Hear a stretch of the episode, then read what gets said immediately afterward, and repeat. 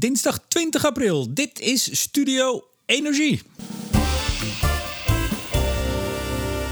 Met vandaag een nieuwe aflevering van Blik op olie en gas met onafhankelijk energieanalist Jilles van den Beukel. Uit Appelska, het is lente. En mijn naam is Remco de Boer. Straks praten we naar aanleiding van een klein onopvallend nieuwsberichtje over de spannende zoektocht naar gas in de zuidelijke Noordzee. We nemen het tweede kwartaal gasrapport van het Internationaal Energieagentschap onder de loep. Al was het maar omdat het Twitterdraadje dat Jillis erover maakte helemaal geen aandacht kreeg. en nu het einde aan de gaswinning in Groningen steeds meer begint te lijken op het begin van een vechtscheiding tussen de Nederlandse staat en de NAM, kijken we door de bril van de geoloog naar hoe dat huwelijk ooit begon. Een verhaal dat bijna niemand kent. We hebben het kort over de Chinese steenkoolmachine die maar doordendert. Maar nu eerst, Jilles, wat voor week was het vorige week? Oh, ik weet wat je bedoelt. Eh, de week van de Noordzee bij ABN. Ja, maar welke week is het deze week? Weet je dat ook? nee, nee, dat weet ik niet. Nee, Het, is de, het is de week van de take. Nu al? Uh, teken is toch hoogtepunt in juli of zo?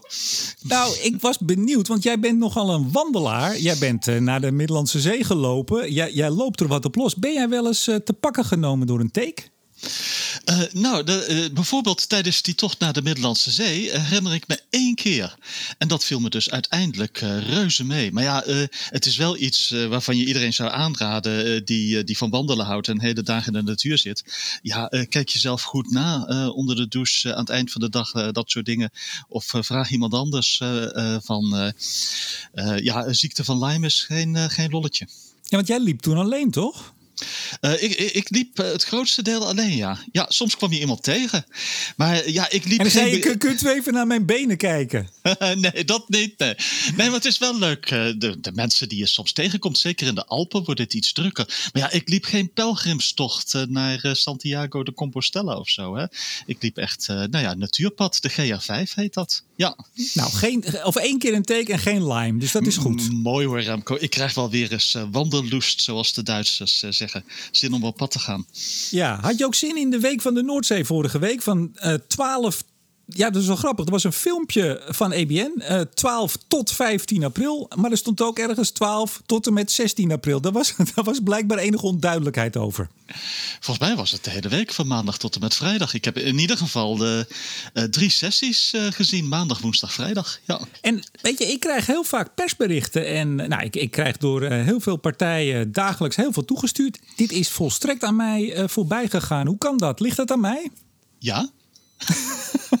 nee, ik weet het niet. Ik weet niet hoe, hoeveel persberichten ze hebben uitgestuurd. Uh, het was wel, denk ik, nou ja, een beetje een in-crowd event. Toch van, ja, echt, wat zal ik zeggen, de, de industrie zelf en, en de, de onderzoeksinstituten, TNO en zo.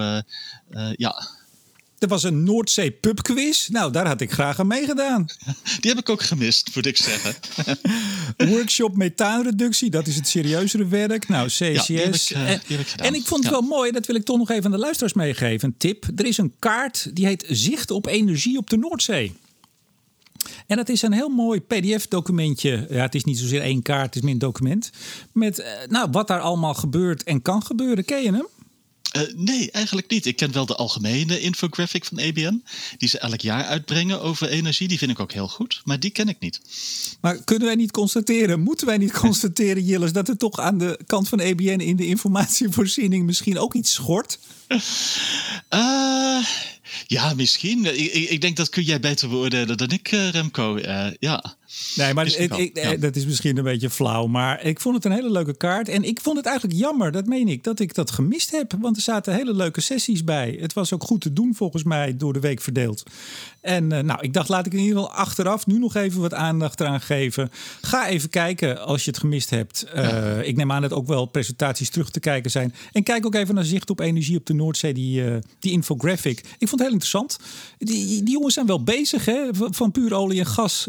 soms vond ik het de afgelopen jaar een beetje aanmächtig waren ze bezig. Maar het begint er nu wel op te lijken. Ze zijn echt die transformatie als bedrijf ook volgens mij nu goed aan het doormaken. Ja, en ik was toch ook onder de indruk van wat er gedaan is, bijvoorbeeld aan het terugbrengen van methaanemissies. Van, uh, dat, dat was één workshop. Nou ja, en dan hebben ze echt niet. Dat was nou eens geen mooie plannen, maar dat was mooie resultaten. Uh, ja, en dat is toch uh, mooi. Dat dat in vier jaar echt meer dan gehalveerd is. nu al meer dan 50%, met zicht op 60% vermindering. Nou, en dat vind ik toch knap, want die methaanemissies die zijn eigenlijk al laag voor de Nederlandse gasindustrie offshore. En dan uh, ja, om ze toch weer een stuk verder te krijgen, ja, toch mijn respect. Ja. Nou, een en al complimenten voor ja, de Week ja, van de Noordzee. Ja, ja, ja. En nu, nu nog kijken of de mensen achter de Week van de Teken evenveel resultaat gaan halen. hey, we blijven op de Noordzee.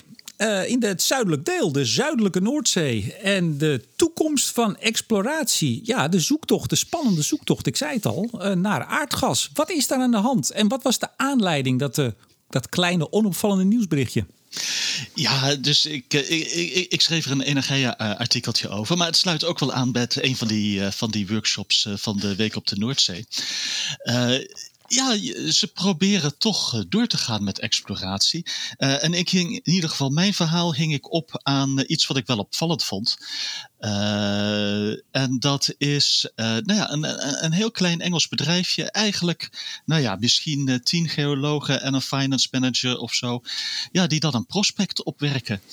noem, eens, of, noem eens even naam en rugnummers oh, van okay. de het bedrijfje, Deltic Energy, zitten in Londen. In Londen zitten veel van die kleine bedrijfjes. Er zaten er nog veel meer, maar er zitten er nog steeds wat. Ja, en die doen niks anders dan een interessant prospect opwerken. Dat wil zeggen het drill ready maken. Nou ja, en dan gaan ze langs bij de grote jongens. Dat kunnen de middelgrote bedrijven zijn of de echt grote bedrijven. En in dit geval bleek het uh, dat eh, Shell wel geïnteresseerd was om, uh, ja, om toch echt serieus naar dit prospect te gaan kijken. En het is een prospect, ja, even wat, wat, wat technisch op de achtergrond. Groningen, dat is wat wij het roodliegend noemen. Dus dat is een zandsteen. Maar je hebt ook. Waar, waarom heet dat roodliegend? Is dat gewoon. Omdat het ook echt rood, rood eruit ziet als het aan het oppervlakte komt. Dus je hebt in Duitsland, in de Hoensroek en zo, heb je allerlei stukken, daar ligt het rood liggend aan de oppervlak. En daar is het ook inderdaad uh, roodachtig. En dat komt door het ijzer wat uh, oxideert, uh, wat, wat, wat erin zit. Ja. En, en je ziet er prachtige, je ziet er prachtige forsets in, uh, Remco. Dat is zo mooi. Um, dat is, Volgens mij glimmen jouw ogen nu op dit moment. Nou, een beetje wel. Ja, we hadden het over wandelen en, en natuur. En dat een van de leuke dingen van geologie is dat je in het veld komt. En uh, ja, dat zijn oude woestijnzanden. Dus, dus Nederland lag ooit veel en veel zuidelijker. En toen was het hier uh, woestijn. En die zanden die toen zijn neergelegd, ja, die noemen we uh, het roodliegend. Ongeveer 260, 270 miljoen jaar oud. Maar dat is het woord Duits van liegend. Het zijn allemaal Duitse ja, termen ja, vaak, dat is Duits, ja. En, en daarboven, want wat er toen gebeurde, die woestijn die is op een gegeven moment, althans in sommige gedeelten, is die ondergestroomd in een soort, nou ja, noem het maar een Perzische of een Arabische golf of zo. Uh, dat er wat water kwam. Nou ja, en dat was een warm klimaat, dus dat verdampte als een gek. En toen is er heel veel zout afgezet. En dat is de laag die daarboven zit. En die noemen we het, eh, het Zekstein. Zekstein, zegt die Duitsers. Maar net zeggen, Zekstein. Ja. Zekstein. Jawohl. Ja, Glück af. Um, en uh, onderin dat zegstein zitten wat anhydrieten en carbonaten. Carbonaat is kalksteen. Hè? Uh, mm -hmm. Zeg je dat nog iets, uh, Remco, kalksteen?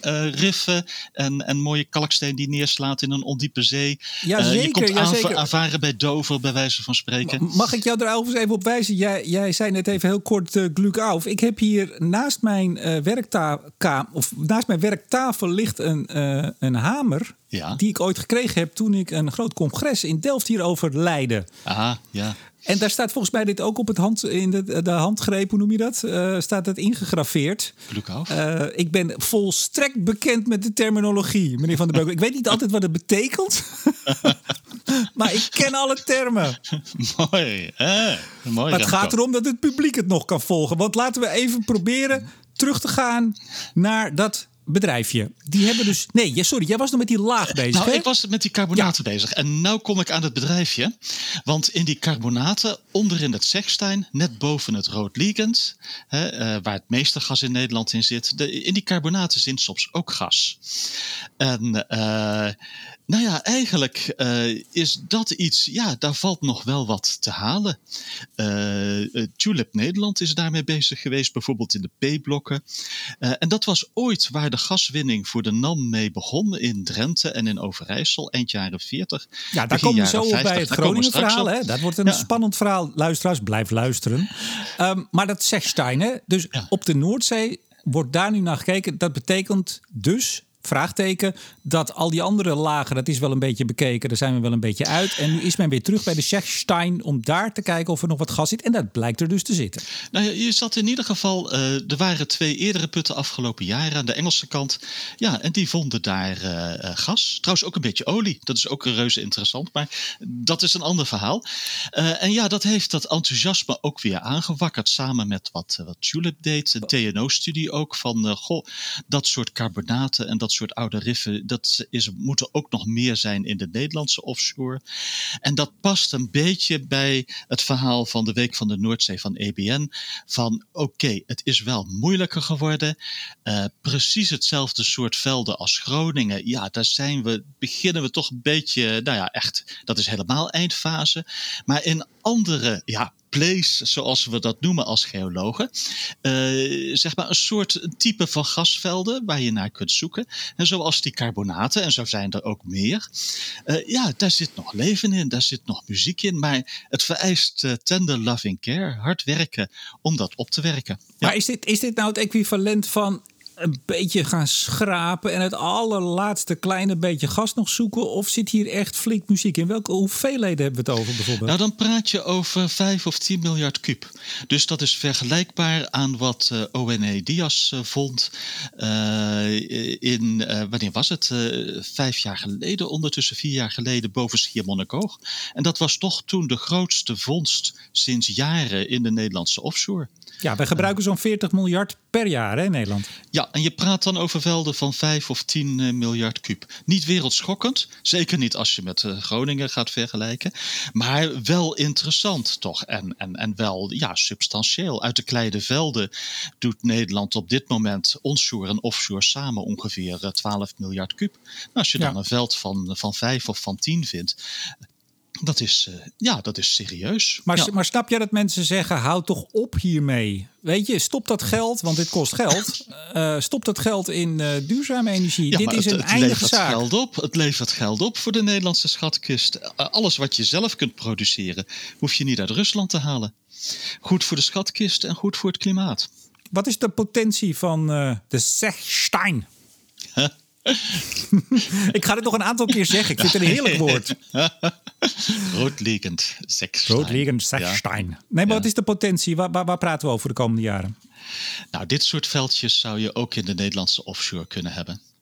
En op diezelfde manier, want uh, nou ja, dat is dus één play waar je nog naar zou kunnen kijken. Uh, kun je ook kijken van, goh, wat is er nog, uh, nog verder mogelijk van de play boven Schiermonnikoog? Want dat is dan weliswaar roodliekend, maar het zit veel dieper in het roodliekend. Het is 10 of 20 miljoen jaar ouder. Uh, en wat je ook zou kunnen kijken is, is zoiets als Cygnus. Dat is een veld aan de Engelse kant, ook mogelijk aan de Nederlandse kant. Uh, Cygnus wordt nou, uh, is nu ontwikkeld door Neptune. En dat is eigenlijk de grootste nieuwe ontwikkeling van de laatste 30 jaar, toch? In de zuidelijke Noordzee. En zuidelijke Noordzee, Nederland offshore en Engelse offshore. Ja, dat is qua geologie is het één gebied. Hè? Uh, en, en dat was geen 5 of 10 miljard kuub, dat is een, uh, een 20 of een 30 miljard kuub. En dan, dan praat je over behoorlijk grote hoeveelheden. En ook dat is iets wat aan de Nederlandse kant zou kunnen zitten. Ja, ja, En, dat doen we, en dat gebeurt nu niet. Althans, we zoeken niet, want het is hier nog steeds vrij onaantrekkelijk. Althans, minder aantrekkelijk dan uh, bij de Britten en bij de Nooren om er naar te gaan zoeken en het naar boven te halen. Ja, het is een beetje een uphill struggle. En, en uh, ja, daar zie je nu ook, uh, nou ja, EBN toch proberen de schouders onder te zetten van laten we proberen dat nog, die, die, die decline, die daling van de Nederlandse gasproductie, zo langzaam mogelijk te laten gaan. Voor de financiën, voor het klimaat en voor het overeind houden van de infrastructuur. voor ja, de energietransitie en dingen als groene waterstof of, of CCS.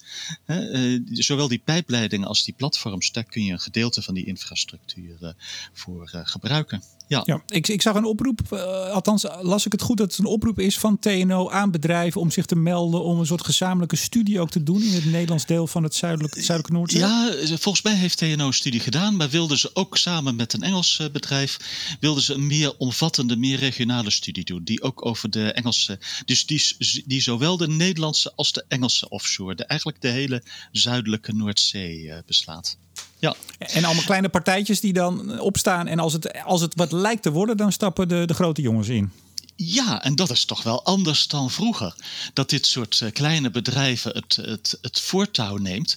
En laten we wel zijn, uh, Ruby boven Schiermonnikoog is ook zo gevonden. Dat is opgewerkt door, door Hansa Hydrocarbons. Nou, dat was ook een heel klein bedrijfje wat in Londen zat. Ja, en dan zie je toch uh, kleine bedrijfjes waar mensen aan één play, aan één gebied werken, jaar in, jaar uit. Het is voor de geologen misschien niet altijd leuk, maar het, levert, het kan resultaten opleveren. Niet altijd hoor. Soms blijft zo'n klein bedrijfje ook echt zitten met een uh, prospect en een licentie waarin niemand geïnteresseerd uh, blijkt te zijn. Maar Shell was hierin geïnteresseerd en om even het verhaal af te maken, ze gaan het nu ook daadwerkelijk boren. Dus Shell heeft de 3D-seismiek betaald over dat prospect. Die heeft dat uh, nog eens geëvalueerd. Die is met zijn eigen uh, post gekomen. Sorry, probability of success. Ja, dat is echt zo'n uh, industrieterm die steeds valt. En die hebben gezegd van nou, wij denken dat hier toch zo'n 50% kans op succes is. dat je hier uh, hydrocarbons vindt. Ja. Heb, jij, heb jij nooit zin weer om bij zo'n klein partijtje, want even dat bedrijf wat je net noemde, waar eigenlijk het nieuwsbericht over ging. Ik, ik ga dan altijd even kijken, waar zitten die jongens? Die zitten bij, naast Waterloo Station in Londen. Ja, in een oude brandweerkazerne op de eerste verdieping. dat is prachtig. Dat is, nou, ik ben wel bij dat soort bedrijfjes vroeger langs geweest. En dat is uh, hard werken en geen vetpot. Uh, maar heb je er zin in nu weer? Nou, je, je bent met pensioen, eigenlijk officieel. Maar heb je niet zin om weer bij zo'n kleine partij in, de, in een soort pioniersfase mee te gaan doen? Uh, nee, weet je, ik was uh, op een 55ste had ik uh, nou ja, een goede 25, kleine 30 jaar gewerkt. En toen dacht ik van, ik wil echt wat anders gaan doen. Toen wist ik nog niet wat. ik, heb, ik heb wel eens die droom gehad hoor, van goh, je kleine eigen oliebedrijfje beginnen, JOC, Ulysses Own Company.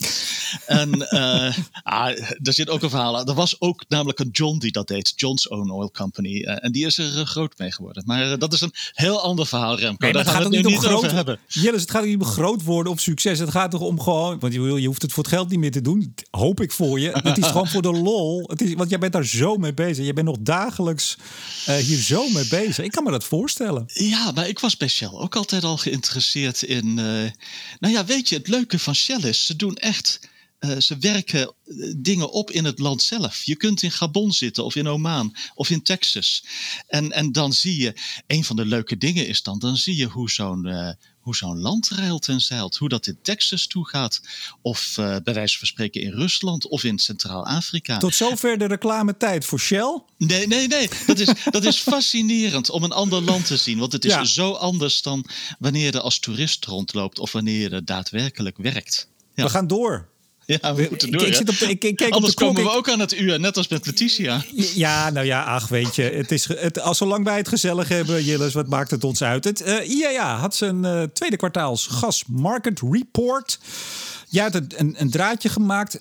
Dat deed helemaal niks. Ik geloof één of geen like. Nee, uh, nul joh. Gewoon helemaal niks. Maar ik moet je wel even zeggen, Jillis. Je hebt dit afgelopen vrijdag om uh, ongeveer tien voor half twee heb je dit getwitterd. Dat is een soort Bermuda-driehoek van Twitter. Dat moet je ook niet doen. Dat is heel onverstandig. Remco, ik weet ook wel hoe het werkt op Twitter. Weet je, weet je wat de beste tweets zijn? Eén heel kort zinnetje, eigenlijk een half zinnetje en één aansprekend figuur. Dat werkt. Ja, en vooral over een controversieel onderwerp, denk ik. Ja, kernenergie, waterstof, kolen, dat werkt allemaal, ja. ja. Nou, we gaan even in, in, in een ras tempo door het rapport heen. Uh, wat is je opgevallen? um, nou, Nou, ten eerste dat uh, gas een veel minder diepe dal kent qua vraag dan olie bijvoorbeeld. Olie ging vorig jaar met uh, 9%, 8, 9% omlaag door corona. Wereldwijd hè, de vraag. Uh, gas ging, nou ja, wat was het? Misschien anderhalf of 2% omlaag. en, en zal volgend jaar weer groeien ja, gas is toch echt wel de fossil fuel met uh, de langste toekomst. Dus dat is. Nou, gaat dit, dit jaar al groeien, toch? 2021. ja, 2021 uh, kom je weer boven 2019 uit. LNG helemaal, dat gaat snel. En ja, dat is toch voor een heel groot deel uh, Azië. Van ja, wij, wij, kijken naar postzegel Nederland, maar in China gebeurt het toch. En, en ja, daar blijft gas toch behoorlijk snel, snel groeien. Ja. Moeten wij deze podcast ook niet in het Engels gaan doen, Jilles? Dan, dan breken we in één keer de hele wereld open. In het Chinees, joh. ik denk dat ik daar wellicht een klein probleem mee ga krijgen. Maar goed. Hey, de prijsontwikkeling. Hoe, uh, hoe verlopen de prijzen? Nou, de prijzen zijn weer aardig opgekrabbeld. Dus ja, en dat is uh, ja, toch wel frappant. Uh, deze winter heb je echt gezien van dat uh, de prijzen, althans in Europa en Azië, weer een stuk ja, op een vrij normaal, zeg maar, gemiddelde van de laatste vijf of acht jaar weer terug zijn. Ja, het was en, koud, hè? Uh, en het was koud. Uh, en, en, en niet alleen in Nederland soms, maar ook in, in Azië. Ja, en wat verder meespeelt. ja, je ziet toch dat de grote gasproducenten die uitval van de vraag, die niet eens zo groot was voor gas, toch een beetje gemanaged hebben. Dus Rusland is echt omlaag gegaan met zijn gasproductie. En met name ook met zijn pijpleiding export naar, naar Europa. Dus 2018, 2019 exporteerde Gazprom door puur door pijpleidingen eh, een kleine 200 miljard kuub. Dat is dus echt serieus veel, hè? 200 miljard kuub. Van, uh, en, en vorig jaar was dat 170. Ja, en daarmee hebben ze gezorgd dat de voorraden niet al te snel opliepen. Dat de prijs niet al te ver inzakte. Hij is wel ingezakt hoor, maar dat was vooral in de zomer, juli en augustus. Nou ja, toen deden de LNG-producenten nog even hun duit in het zakje dat de LNG-aanvoer vanuit de VS, toen de prijzen echt zo laag waren in juli en augustus, een stuk teruggingen. Ja, en nou zit je eigenlijk weer in een vrij uh, normale markt. En zijn de gasopslagen in Europa behoorlijk leeggetrokken, zeg maar, met die koude periodes en een toch iets kleinere aanvoer. Lang leven de gasopslagen. Ja, die hebben we nodig. Want uh, ja, dat is een ander aspect. Hoe staat het met de leveringszekerheid voor gas in Noordwest-Europa? Ja, en dat is, uh, nou ja, dat hangt van veel dingen af. Maar als er één ding het meest belangrijk is, is het toch wel, zijn het toch wel de gasopslagen. Uh, dat is een grote asset voor uh, Noordwest-Europa en daar moeten we, moeten we zuinig op zijn. Want ja, dat is wat ons tot nu toe gered heeft en behouden heeft van Texas Freeze-achtige toestanden of, een, of de superhoge prijzen in Azië in, in januari. En het is te hopen dat dat zo blijft, maar geen garantie. De laatste laatste tweet van jouw eh, draadje, die luidde als volgt. Is het voorstelbaar dat een dergelijke prijspiek, uh, die er dus was, en tekort in Europa voorkomt? Vraagteken. Ja. Wat als over vijf tot tien jaar er een koude winter is en de EU-gasproductie nog verder is ingezakt en kolen en nucleair verder zijn uitgezet en de LNG-markten niet langer ruim zijn? Ja, daar gaf je dus geen antwoord op op die vraag. Daarom klikte er natuurlijk niemand op, die, op dat draadje van jou. Ja, zo, ver, zo ver naar beneden was niemand gekomen. Remco. Nou, ik wel. En dan denk ik, ja, geef nou ook eens het antwoord. Dus, Van de Beukel, kom op, zeg het, dan, zeg het dan. Nou, het is wel voorstelbaar, maar er moeten dan uh, een ongelukkige samenloop van omstandigheden zijn uh, die samenkomt. Dus inderdaad, die paar dingen samen. Uh, van... Ja, en wat gebeurt er dan? Boter bij de vis? Dan, hebben we, dan is gas een keer krap in Nederland. Wat we ja, nou krap. Nee, maar krap. Nee, wacht. Krap betekent superhoge prijzen en, ja? en misschien toch een aantal industrieën die uh, tijdelijk dicht moet. Ja. Ja. Ja, dat, dat ja. klinkt al wat uh, dramatischer dan krap. Kijk, krap is alles is wel eens een beetje krap, maar dan is het gewoon dus een nood, noodgeval. Ja, ja, Toch wel, ja. En wij, wij, wij zijn in slaap gesust qua leveringszekerheid van gas in Nederland. Maar nu er zoveel veranderd is. Uh, Groningen was de grote swingproducer in de winter. Nou ja, dat is weg. Uh, de, de, Europese gasproductie als geheel gaat langzaam, langzaam, langzaam naar beneden. Uh, ja, en LNG-markten zijn misschien een keer krap. En dan moet je het op prijs uitvechten met, met China en Japan. Waar ze een traditie hebben van toch een stuk hogere gasprijzen. Ja, en dat kan nog wel eens uh, zeer gaan doen. Ja, en dat vind ik opvallend. Hè? Qatargas, de marktleider in LNG, die hebben een groot uitbreidingsproject. En waar sluiten ze de lange termijn contracten af? Met China, met Japan, met Korea maar niet met Europa. En, en dat, daar zit een risico in voor Europa. Er zit een risico in dat ergens halverwege de energietransitie wij nog steeds heel afhankelijk zijn van gas, maar ons uh, gas-supply systeem ja, hebben verwaarloosd. Tja, we kunnen het hier eigenlijk iedere aflevering over hebben, maar er verandert niet zoveel, hè? Uh, nee, nee, uh, nee. Maar goed, misschien kun je soms uh, toch een beetje dat bewustzijn doen, doen doorbreken. Hè? Van dat Nederlands gas niet zo gek is en dat het qua klimaatfootprint substantieel beter is dan Russisch gas. Ja, dat heeft nou toch een beetje airtime gekregen en daar zijn mensen zich toch een beetje van bewust. Misschien nou, gaat dat hier ook mee gebeuren. We gaan het zien. Vlak voor deze uitzending, althans voordat wij dit opnemen, stuurde jij me nog een berichtje of we het over de Chinese steenkoolmachine nog even kunnen hebben. nou, even kort dan, uh, Jilles. Ja, ja uh, nou ja, kijk, dat was een tweet die het wel deed. Hè? Gewoon één figuurtje en één heel klein zinnetje eronder. Dus een figuurtje waarin je de Chinese kolenproductie zag exploderen de laatste twintig jaar. En dat is echt exploderen hoor. En nou ja, daar zet je alle andere kolenproductie naast in, in Engeland, in Duitsland, in Amerika en in Australië en zo. Ja, en, en, en dat is een schokkend figuurtje. Toch wel. En, en daar zet je dan een heel kort zinnetje boven. Uh, kolen dubbele punt. Het probleem heet China. Nou, kijk, en, en die tweet die doet het, hè?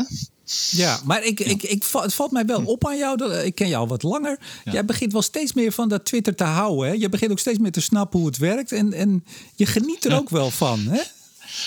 Uh, nou, twee dingen. Eh, ik vind Twitter reuze handig uh, om uh, een goed beeld te krijgen wat er allemaal gebeurt in de olie- en gaswereld. En dat zien mijn hele Nederlandse tijdlijn niet. Maar driekwart van mijn tijdlijn is, is Engels. Ja, en dat zijn olie- en gasanalisten van, van deze wereld. En daarin is het reuze handig. Als er ergens iets interessants gebeurt, een artikel wat uitkomt over gasmarkten, oliemarkten, geopolitiek, nou, dan, dan, dan word je daarop geattendeerd. Dat is reuze handig. Ja, en het andere is de Nederlandse tijdlijn. Ja, ik heb echt twee verschillende Twitterwerelden. En, en ja, in de Nederlandse, eh, ja, je begint een beetje te realiseren hoe dat werkt, ja. ja. Maar ik vind het ook leuk, je hebt toch een beetje een, een, een, een aantal mensen die, uh, nou ja, fatsoenlijke informatie proberen te geven op Twitter. Met oog voor nuance. En dan hoef je het niet met elkaar eens te zijn. Maar je kunt wel een soort gemeenschappelijk uh, doel hebben. En dat is, um, ja, toch een beetje goede informatie geven. Ja, nou 1500 volgers wou ik zeggen. Ik geloof 1507 toen ik de laatste keer keek. Heb je? Dat mogen er best wat meer worden. Dus bij deze luisteraars die nog niet Jilles van den Beukel volgen. Want jij bent ook zo iemand. Ja, nee. Ik, ja, er zijn er heel veel meer. En, en, en, oh, nou, volgen maar niet. volgen maar niet. Er zijn er genoeg anderen. Laat maar zitten. Goed, ik ben we gaan wel een van de weinige fossiele jongens op Twitter. Dat wel. Kijk eens aan. Nou, we gaan naar... Uh, ja... Spannend verhaal hoor. Nog een artikel wat je geschreven hebt. Jij gooit er ook maar artikelen uit links en rechts over het Groningenveld. En jij zei tegen mij: Ik heb zoveel onzin zien langskomen over eigenlijk ook die ontdekking, zeg ik dan maar even, uh, van het Groningenveld. Uh, wat er toen gebeurd is. En dat wil ik nou één keer eens opschrijven. Nou, dat heb je gedaan. Dat verschijnt ook bij, uh, bij Energia. is verschenen gisteren, maandag. Um, Ja, is, is dat dan ook jouw frustratie bijna? Dat je denkt, ja, wat zie ik nou weer langskomen? Kom op, ik ga dit opschrijven. Nou, frustratie valt wel mee. Maar het valt me wel op, er wordt heel veel over Shell en NAM geschreven. Maar je hebt eigenlijk zelden of nooit dat er nou eens iets van wat er in die wereld zelf speelt, uh, binnen die bedrijven aan het woord komt. En nou denk ik niet uh, dat ik daar de aangewezen figuur voor ben, maar ik ben wel een, een geofysicus. En uh, kijk, één ding wat mij fascineerde toch een beetje bij Groningen vooral en de ontdekking is van ja, je hebt het verhaal hoe, nou, hoe dat gas verkocht is begin jaren zestig, nota de, de paus en zo, dat soort dingen. maar je hoort nou nooit eens over de ontdekking van het veld. Ja, en dat vind ik als, als geofysicus een fascinerend verhaal. Dus eh, ik, ik, las een paar weken geleden het boek Gronings Goud van, van Wendelmoed Boersema. Vond ik een leuk boek om te lezen. Vond ik echt goed. Kan ik mensen aanraden. En ik, ik, ik dacht, maar ik mis één ding: het verhaal van hoe Groningen ontdekt is. Ja, en, dat had ik wel een beetje in mijn hoofd zitten. En dat heb ik afgelopen weken uh, proberen uit te zoeken, toch een beetje. Beste luisteraars, ga even rustig zitten. Want bovenmeester, bovenmeester van de Beukel gaat nu met een klein beetje uh, af en toe een vraagje van mij tussendoor om hem op, om hem op gang om te, houden. De les te houden.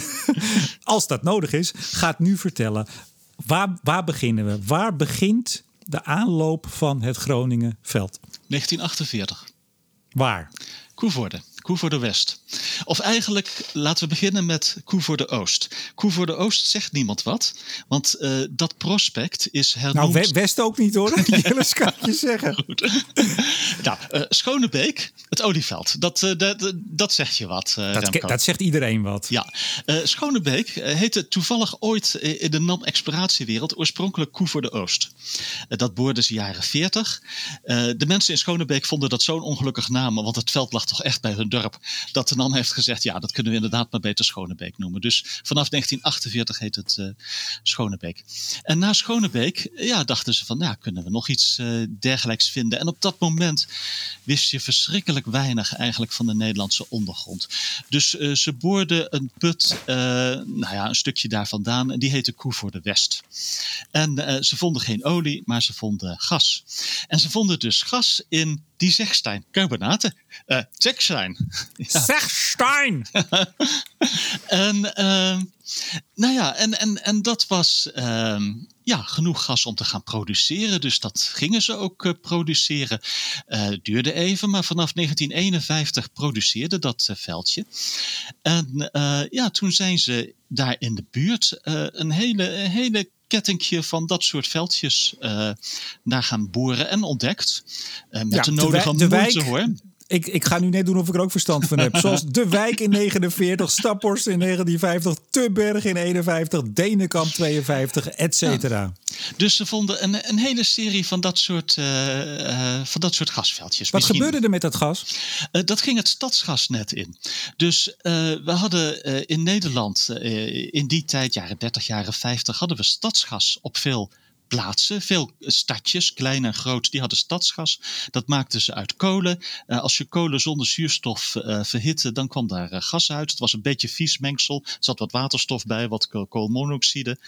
nou ja, en daar, daar, daar kookten mensen bijvoorbeeld op. De verwarming deden ze vooral op kolen. Maar ja, en je kon er ook je lampen op laten branden, bij wijze van spreken. Ja, dat, dat ging dus vanaf begin, eind jaren 40, begin jaren 50, werd dat dus vervangen in die kleine stadsgasnetten door aardgas. Ja, dus wij denken altijd aardgas begon in 1959 of 1963 of zo.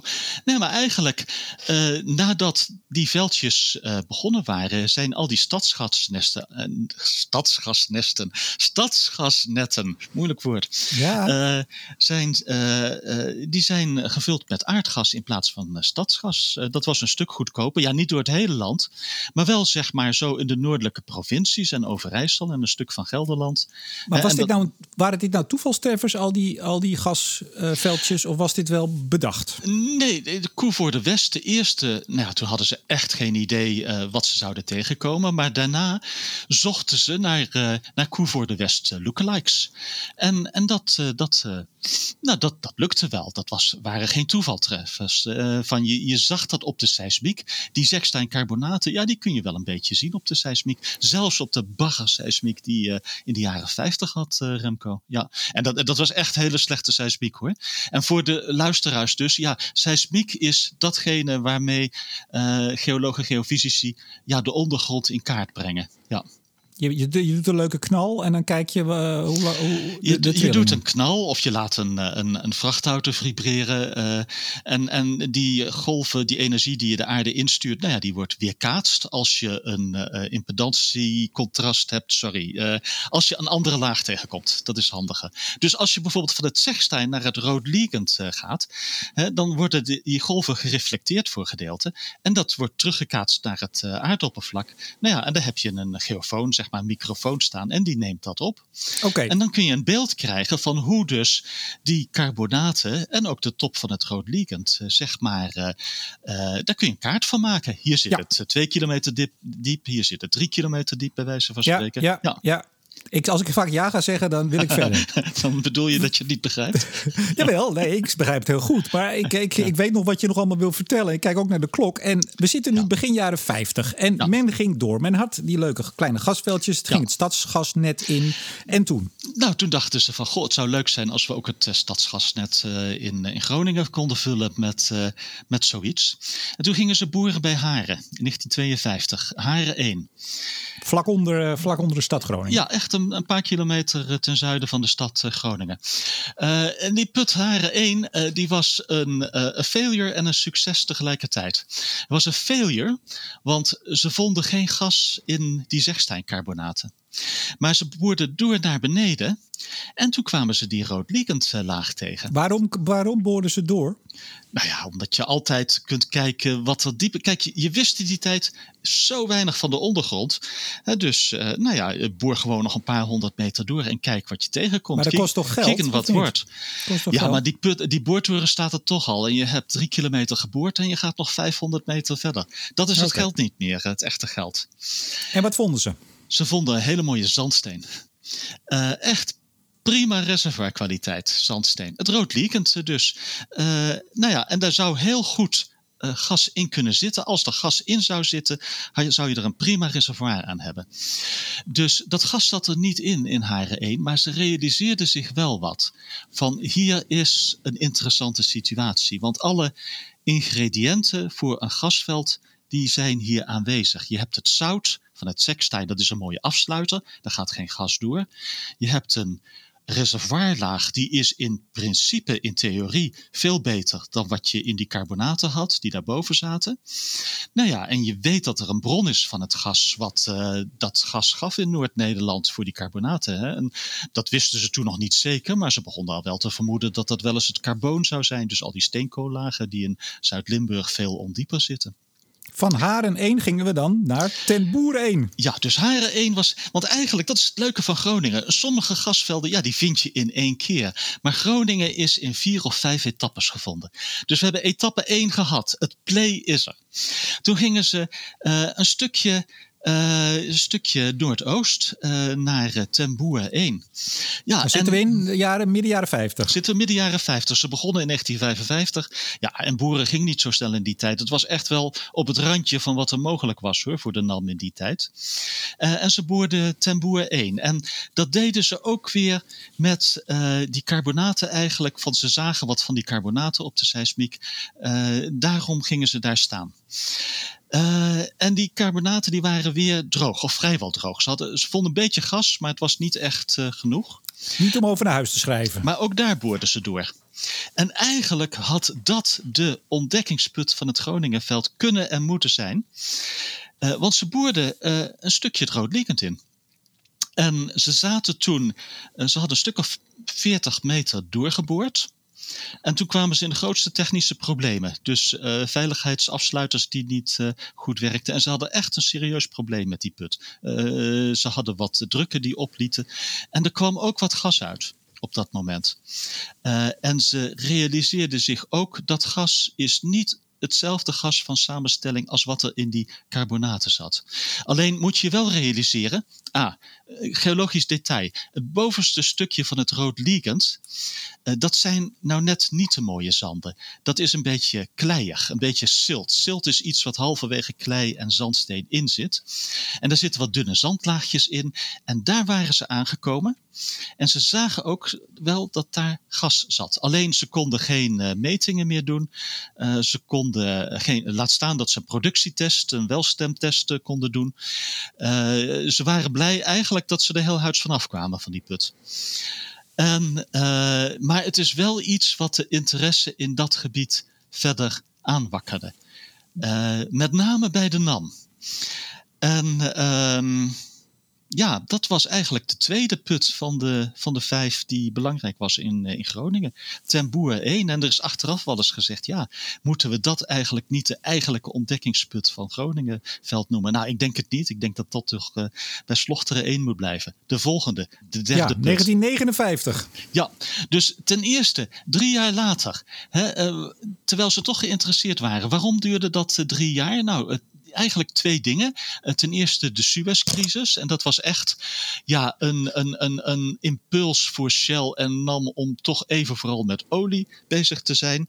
Ja, en ten... voor, uh, voor de jonge luisteraars, wat was de Suez-crisis? ja. ja, begin 1956. Ja. Uh, de, de, Crown, Anthony Eden uh, en zo. het laatste poging van, het, van Engeland om een grootste, grootste imperiale macht te zijn. Ja. Even iets anders. Heb jij net tegen je microfoon aangeklapt? Want ik, hoor, ik hoorde net wat gestommel en nu hoor ik je ja, veel ik harder. Zat, ik zat uh, per ongeluk aan mijn... Uh, aan mijn uh... Je bent zo opgewonden. Ja, goed. Rustig. 59, slocht er één. Nou, nu wordt het ook spannend. Nou ja, de echte ontdekkingsput. Ze gingen door de hele Roodliegend heen en ze hadden een, een gaskolom van 150 of 200 meter. Dus echt een grote dikte gaskolom. En op dat moment wisten ze van ja eh, dit is de meest interessante laag voor gas in het, uh, in het noorden van het, van het land. Maar toen hadden ze een probleem, of een probleem, ja, het een luxe probleem. Je hebt een hele dikke gaskolom, maar je hebt geen idee hoe uitgestrekt dat veld is. Is dat bij wijze van spreken 2 bij 2 of, of, of, of 10 bij 5 kilometer groot, dat veld? Ze hadden echt geen idee. Als je kijkt hoeveel seismiek ze hadden en de kaart die ze hadden. Ze hadden helemaal geen seismiek over de hele provincie Groningen. Ze hadden achteraf helemaal geen seismiek over het hele Groningenveld. Ze hadden een beetje seismiek toen, op dat moment, rondom Haren en Slochteren en Ten Boer. En ze hadden een beetje seismiek bij Delfzijl. En ze hadden één lijn ertussenin. En dat was het. Dan was die seismiek van een hele slechte kwaliteit. Ja, ze, ze tasten in het duister echt. Ja, ja Jellis, dus toen die slochteren één put in 59, wat toch bekend staat als het begin, dat had ook een heel klein nikserig veldje kunnen zijn. Dat had in theorie, nou ik wil niet zeggen een nikserig veldje kunnen zijn, maar het had heel goed een veldje van, ik noem maar wat, uh, eh, 30 of 50 miljard kuub kunnen zijn. Zoiets, die orde van. En hoeveel is het geworden? Hoeveel bleek het achteraf? Nou, 2900. Maar goed, dus dat wisten ze toen niet. En wat toen? Oh, het is zo spannend. Ik kan haast nou, niet wachten. Uh, dus na ten Boer hadden ze eigenlijk niet één, maar twee putten opgewerkt. Technisch klaargemaakt, zeg maar. Uh, drill ready. Uh, en de ene was de Slochteren 1 put. En ze deden volgens programma, en dat hadden ze al gepland, de andere put. En dat was Delfzijl 1. En toen was het ondertussen 1960. Dat ging echt behoorlijk langzaam, hè, dat boeren in die tijd.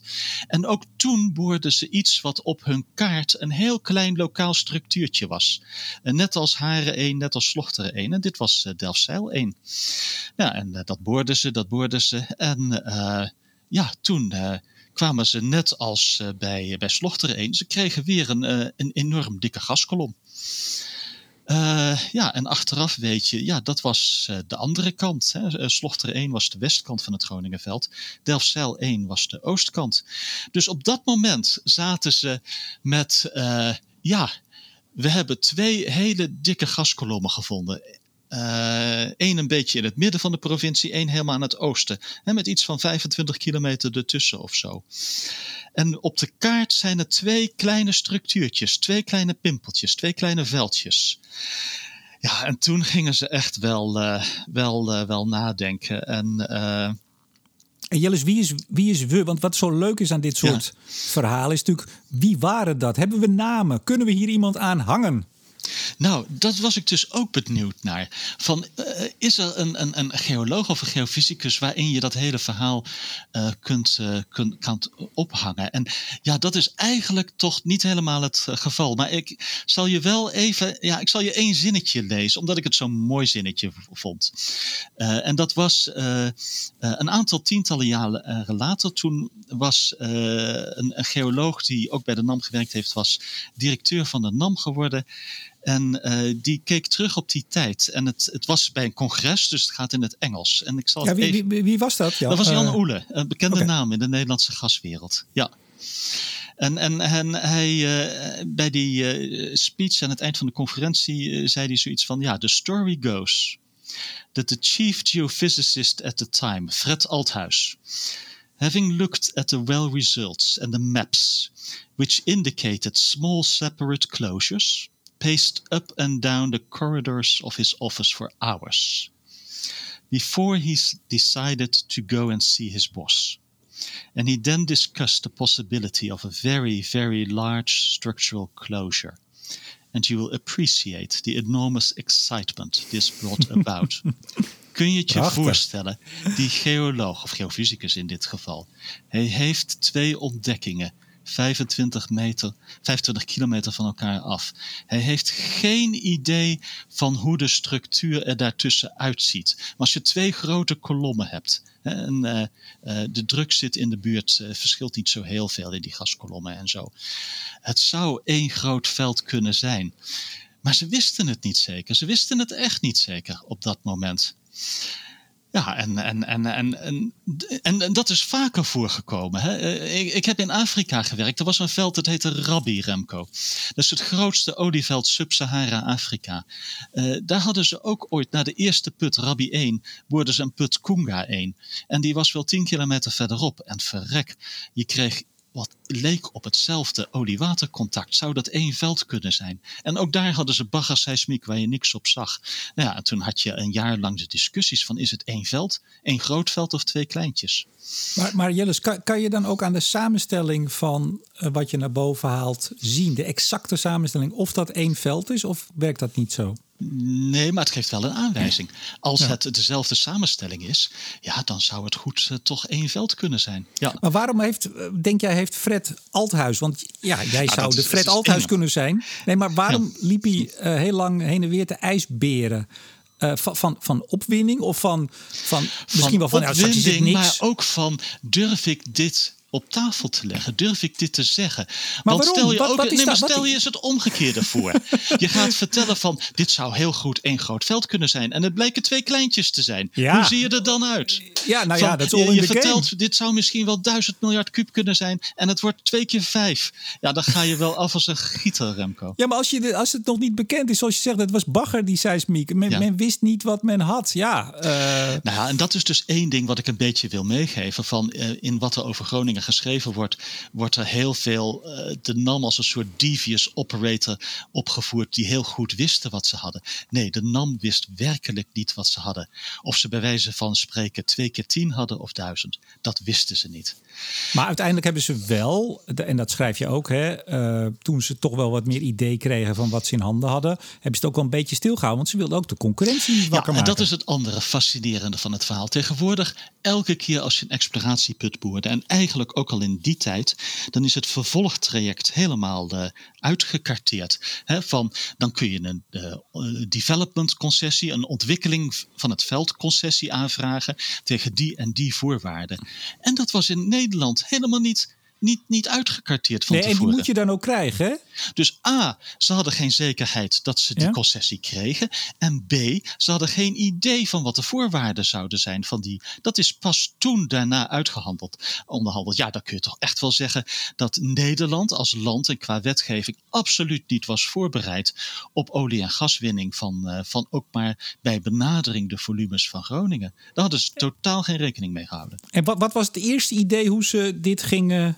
Eh, ja, hoe gingen ze dit doen, eh, de NAM en de staat? Wat was hun eerste idee als afspraak? Nou, ze hadden een afspraak voor die kleine veldjes in, uh, in Drenthe en, uh, en Overijssel en zo. En dat was gewoon van de NAM die kan het geld, de gas kwijt bij de overheid, meer precies het staatsgasbedrijf, SGB. tegen een prijs van, als de volume was groter, waren 2 cent per kuub. bij vooruitbetaling. Dus je had nu als je aan die regeling zou houden, ja, daar voelde zowel de staat als de NAM zich heel ongemakkelijk bij. Uh, de staat, ja, die moest in theorie een heel groot uh, bedrag nu op tafel leggen misschien wel.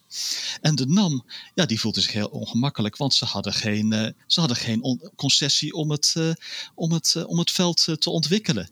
Dus je ziet op dat moment, ja, is ook echt de appraisal van het veld. appraisal is de fase tussen exploratie en ontwikkeling in, waarbij je gaat kijken hoe groot is dat veld nu eigenlijk. En want dat moet je weten voordat, voordat je het veld gaat ontwikkelen, moet je toch een beetje een idee hebben hoe groot het is.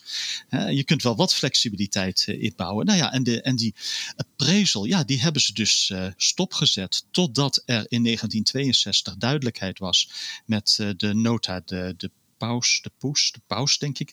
En, en dat dat aangenomen was in de Tweede Kamer. En toen zijn ze pas verder gaan boren, uh, nieuwe seismiek. Nou ja, en toen wisten ze begin 63 van, nou, het is echt heel groot. En toen hadden ze de appraisal gedaan van de zuidelijke helft van het veld. Toen kwamen ze op een goede 1000 miljard kuub uit. En pas 65, 66 hadden ze de putten in het noordelijke helft van het veld. Nou ja, en toen ging het naar 2500. Ja, en toen is de afspraak gemaakt, 65% naar de overheid en de rest is voor de NAM. Ja, en dat was zo'n idioot hoog percentage. En dat lag zo gevoelig voor alle Shell-operaties en ExxonMobil-operaties. Eh, ja, Exxon toen in die tijd Esso. In de rest van de wereld is dat ze ja, dat liefst wel heel stil wilden houden. Want stel je voor dat ze bij wijze van spreken in uh, het Midden-Oosten uh, uitvonden dat de Nederlandse staat hier A direct meedeed. Wat ze de facto deden. Hè, hoewel dat een beetje verborgen werd met de maatschap Groningen. Ja, en dat was 65 of 70 procent. Dat was uh, ongekend hoog voor die tijd. Het was voor de Nederlandse staat een hele goede deal. Nou ja, en tijdens de eerste, uh, tijdens de eerste oliecrisis is dat door minister Lubber, met name in, in Lubbers in 1974, omhoog gekrikt naar ongeveer 90 procent. En ook dat was in die tijd ongekend hoog. Ja. Maar is dat, is dat wat, dat, dat schrijf jij, dat zeg ja. jij? Uh, want er is natuurlijk vaak gezegd, zeker de afgelopen jaren, met het uh, niet naar buiten komen van de exacte afspraken, de geheimhouding daaromheen. Nou, jij zegt ja, dat was vooral de NAM-aandeelhouders, Shell en Esso of Exxon die wilde inderdaad niet, zoals je het net uitlegt, hè, uh, ja. eigenlijk laten weten dat ze zoveel afstonden aan de staat. Maar hoe weet jij dat? Is dat jouw inschatting? Of? Nee, nee, dat is wel naar buiten gekomen op een gegeven moment. Hè. De, de condities uh, van waarop de maatschap Groningen uh, is opgezet, die zijn een aantal jaren geleden naar buiten gekomen. Ja, en dat kun je precies zo na. En het was in wezen wel bekend daarvoor ook al. Hè. Je kunt het nalezen in het, het, boek van Kobi van der Linden en Aad Corrier en zo. Ehm, maar de echte, de letter zoals het daarin stond, ja, dat is pas een paar jaar geleden naar, eh, naar buiten gekomen. Ja. Volgens maar, mij moeten we nog. Ja? ja? Nou, we, nou, we zijn er aardig, hè? Nou, volgens mij moeten we nog één naam noemen. Ja, uh, nou, ik, ik begon dus een paar weken geleden daaraan en ik heb ook wat gemaild en gebeld en zo. En uh, er staat heel veel online hoor. Dus uh, tegenwoordig alle oude jaargangen van geologie en mijnbouw, die staan online bijvoorbeeld. En van de Namogram. En van de Namogram, ja. Wat is de die, Namogram? Nou, dat is het bedrijfsblad van de NAM, ja. Ja, want ik heb, jou, ik heb jouw bronnen even erbij hier. En ja. uh, nou, Namogram 1963. Heb jij die dan allemaal in de kast staan uh, in Appelschaal? Uh, nee, hoor, nee, vraag nee, je allemaal. dat is iemand. Ah, nou ben ik zijn naam vergeten. Maar dat is iemand die in de offshore werkt. Die dat op het internet heeft gezet. Dat is heel leuk. Pas één of twee jaar geleden volgens mij. Ja. Ja, maar dus welke naam moeten we nog uh, een, een, hele goede oh. bijlage bij Vrij Nederland hoor, uit het begin jaren tachtig van uh, Vincent Bakker en Fijke Salveda. Toen onderzoeksjournalistiek nog echt onderzoeksjournalistiek was met, uh, nou ja, dat ze er een, een, half jaar aan één project mee bezig waren en zo. Dat is ook wel een hele goede. Ja, maar ja, ik begon dus zo van, nou, ik was benieuwd, is er de naam van een geoloog die ik daar aan kan hangen? En, en eigenlijk ja, teleurstellend. Maar ik, ik, kan niet echt één naam vinden. Van, nou, het is gewoon de exploratieteam en het geologieteam in de jaren 50 en 60 die dat hebben opgewerkt. Maar er is wel één naam die ik wou noemen. En dat is de, de NAM-directeur van 1954 tot 1961. Want ja, die heeft ervoor gezorgd, kun je wel zeggen. Eerst even zijn naam, Jillis. Henk Steeman. Kijk. Ja. Is, uh, ja, ja. Hij, kwam naar NAM vanuit Argentinië in 1954. Uh, veel van de mensen bij Shell en de NAM uit die tijd, ja, die, hadden van alles meegemaakt in de oorlog, Indonesië of waar dan ook. Ja, die kwamen op een gegeven moment uh, terug uit Texas of Argentinië of waar dan ook naar Nederland uh, toe. Ja, en die zijn hier toch een beetje de NAM gaan runnen. Althans, het hogere management, uh, ja. Ja, maar hij, hij geloofde heel erg in, in gas in Nederland, maar Shell was niet zo enthousiast. Nee, en je kunt je het van beide kanten wel iets daarbij voorstellen. Dus Henk Steeman die zei van... Uh, nou, we hebben hier gas gevonden en wie weet is er nog wel heel veel mogelijk. En daar is toch ook wel een afzetmarkt voor. En, en, en Shell hoofdkantoor had zoiets van, nou ja, een Schonebeek verdienen we goed. Maar die kleine gasveldjes van jullie uh, bij Koevoorde en Te Bergen of wat dan ook. Nou ja, dat is geen vetpot. Dat, dat zijn geen echt grote volumes. Dat zijn geen echt grote winstmakers. Dus, uh, en daar wil jij dure exploratieputten aanboren. Dus die man had de grootste moeite om daar uh, geld voor binnen te krijgen voor de NAM. En zodoende is het ja, dat het ook na ten boer 1, wat toch echt een hele interessante put was uit geologie-oogpunt, dat het drie jaar duurde voordat ze Slochteren 1 en Delfzijl 1 uh, boorden. Nou ja, en daarna waren de volumes zo groot, dan is het geen probleem meer om geld los te krijgen van het hoofdkantoor. Sterker nog, dan krijg je het tegenovergestelde Remco. Dan, dan, dan schuiven ze alle dag op der duk een, een grote stapel bankbiljetten bij wijze van spreken naar je toe. En dan zeggen ze zoiets van, als er één zo'n veld zit, dan zitten er misschien ook wel twee. Ga je geld, ga je gang, spendeer het geld alsof het water is, maar vind dus, uh, doe een tweede fonds, net zo groot als Groningen. Ja, en die kwam er niet. Nou, ik ben benieuwd hoe, hoe, ze nu nog tegen Henk Steeman aankijken. Uh, want het is dus jaren van uh, Henk de Held, uh, denk ik dan maar zo. En ja, nu is het toch allemaal wat minder. Daar gaan we het de volgende keer over hebben. Dit, is, de, dit is vergeten in de tijd. En dat is toch iets ja, wat je wel kunt opmerken. Er is door Shell mensen altijd heel weinig naar buiten gebracht over de wereld van Shell en de wereld van olie en gas. En dat is ook wel een beetje begrijpelijk, want ja, zo makkelijk is dat niet in Nederland, uh, Shell. Ja, ik bedoelde eigenlijk de, de betalingsproblemen. NAM die betaalt op dit moment niet meer blind de rekeningen die van de staat komen. Daar gaan we het de volgende keer over hebben. Het, uh, het uh, vechthuwelijk, wat het toch, uh, of de vechtscheiding moet ik zeggen, die het toch lijkt te worden. Eén ja. laatste opmerking van mijn, of mijn kant, of een vraag eigenlijk. Zou jij hier niet eens een boek over moeten schrijven? Een boekje over gas? Nee, boek, over Groningen. Boekje, een boekje over gas. Nee, over Groningen natuurlijk. Nou, ik zou misschien wel een, een wat serieuzer geologieartikel willen schrijven over Groningen. Uh, maar samen met een paar uh, andere geologen dan misschien. Om, dit, om de geologie van die jaren 50, wat er toen. Uh, maar er is overigens wel wat over geschreven hoor. iemand van EBN, Fokker van Hulten, heeft, heeft er ook bijvoorbeeld een artikel over geschreven. Over de geschiedenis van exploratie naar olie en gas in Nederland. Joris Steenbrink ook van de NAM. Ja. Ja, nou je hebt, je hebt een aantal bronnen bij artikel. Dus mensen die uh, nu al meer willen weten uh, voordat jouw boek uitkomt, die kunnen al aan de slag. Vooruitblik. Heb jij nog leuke dingen op de agenda? Um, ik, ik weet niet of het speciaal leuk is, maar uh, over een goede maand komt de Milieudefensie-uitspraak. Hè? Ergens tweede helft mei, 20, 25 mei, zoiets denk ik. Ja. Ik denk dat je dit even iets beter moet omschrijven. Uh, nou ja, de, de, de zaak van Milieudefensie tegen Shell uh, over. Uh, de rechter gaat uitspraak doen in, de, in de zaak van Milieudefensie en vele duizenden medeklagers en aanklagers tegen Shell. Ja, ja. Ja, dus. Ik dacht, ik, ik dacht misschien meer op korte termijn of je nog leuke dingen. Anders heb ik nog wel wat. Ja, nee. nou ja, het wordt mooie tijd. Het wordt lente, Remco. Ja, jij gaat wandelen natuurlijk. Ja, een beetje hier op het erf werken, een beetje wandelen. Ja. ja, en heel veel lezen. Want jij, jij, jij leest je volgens mij drie slagen in de ronde. En dan schrijf je er ook nog eens heel veel artikelen over. Volgens mij. Of doe je, dat, doe je dat even zo, smiddags of s avonds? Of ben je de hele dagen mee bezig? Ja, dit begint wel een, een dagbaan te worden weer. Ja. Nou ja, nou, en ik, heb ook wel wat rapporten voor HCSS die ik schrijf, die ja, niet, niet openbaar worden en zo. Oh, niet openbaar. Oh, nou, ja, niet openbaar. ja, zo gaat dat bij, bij denktanks soms. Ja, je hebt de opdrachtgever, nou ja, dan kun je het moeilijk gelijk op de website zetten. Nou, woensdag ben ik wel in de openbaarheid. Namelijk dan presenteer ik in Nieuwsport in Den Haag live de, de, de belastingpoort heet dat. Er zijn heel veel poorten hè, die georganiseerd worden door uh, bedrijven en andere clubs. Dit is van de Nederlandse Orde van Belastingadviseurs. En ik noem het, want het is een hele interessante, uh, vind ik zelf. Het is misschien wel de heilige graal.